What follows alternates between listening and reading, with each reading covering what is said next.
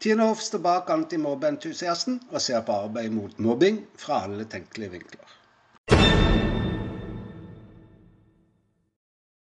Hva er det viktigste vi gjør for barna i arbeidet mot mobbing?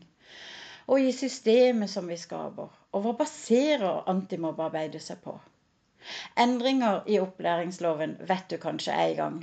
Men selve systemet i antimobbearbeidet og skolemiljøloven vil bestå i stor grad slik han er i dag. I hvert fall for de fleste. Antagelsene som ligger til grunn, er visst både at regelverket og systemet anses å være gode nok. Så lurer jeg på, da, med over 62 000 barn og unge som tør å mene noe annet, og de 40 prosentene som opplever mobbing, men som ikke tør å si fra, så lurer jeg på godt nok for hvem? For de voksne, altså de offentlig ansatte, for foreldrene, eller for barna sjøl? Jeg har jo tenkt å utfordre antagelsene i dag, som du kanskje har skjønt. Hvis vi sier da at hele poenget med antimobbesystemet er å hjelpe barn som opplever mobbing, hva betyr det? Det første punktet i aktivitetsplikten, altså at voksne skal følge med, tilsier at myndighetene mener dette er en viktig ferdighet hos skolene. Likevel tilsier jo antallet som opplever mobbing, at her feiles det gang på gang. La meg dvele litt ved dette. For hva betyr det å følge med? Betyr ikke det at det antas at hver skole har solid observasjonskompetanse? Ja, hver ansatt, faktisk.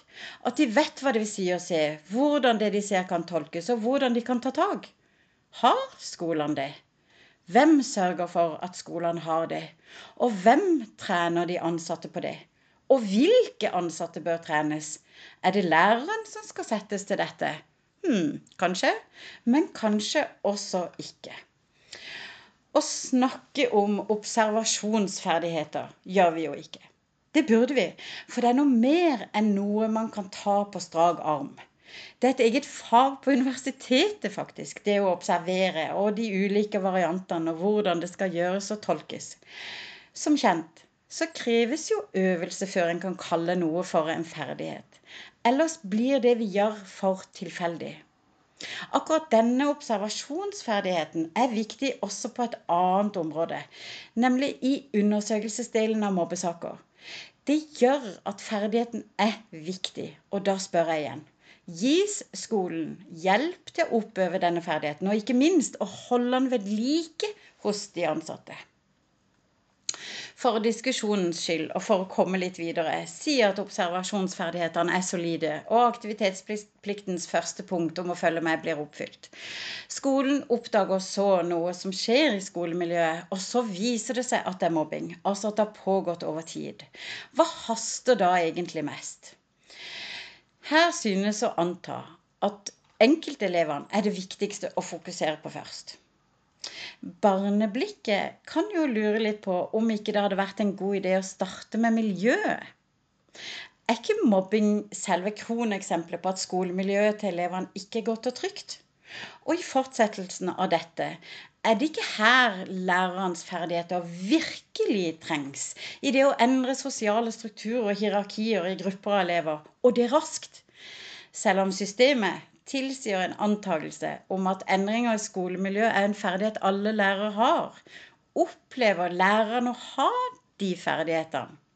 Er du lærer som hører på, vet du sjøl hvor god du føler deg på akkurat dette? Og så hvordan sikrer systemet at læreren har f.eks.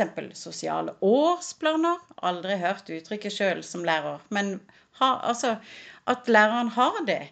At de gis de verktøy og øver på nettopp det å endre sosiale miljøer i grupper. Antas at det er en ferdighet som læreren bare har i seg sjøl, eller kan ta på strak arm. Hvis ingen sørger for systematisk oppøving og opprettholdelse av denne endringsferdigheten, blir det ikke igjen litt for tilfeldig om læreren lykkes.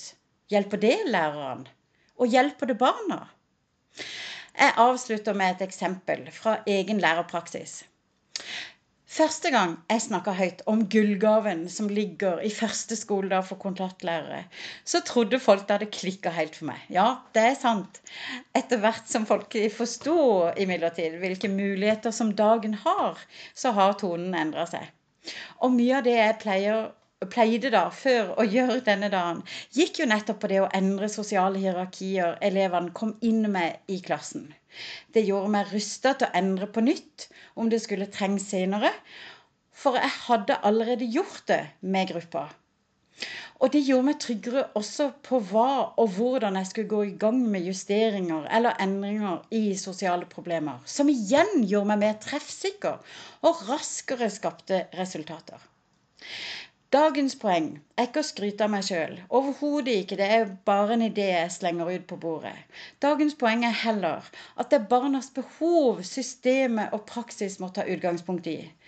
Hvis ikke vi våger å snakke om hva det innebærer for hver og en av de voksne involvert, forblir jo arbeidet vårt prega av tilfeldigheter. Og det er jo ikke til hjelp for barna som opplever mobbing.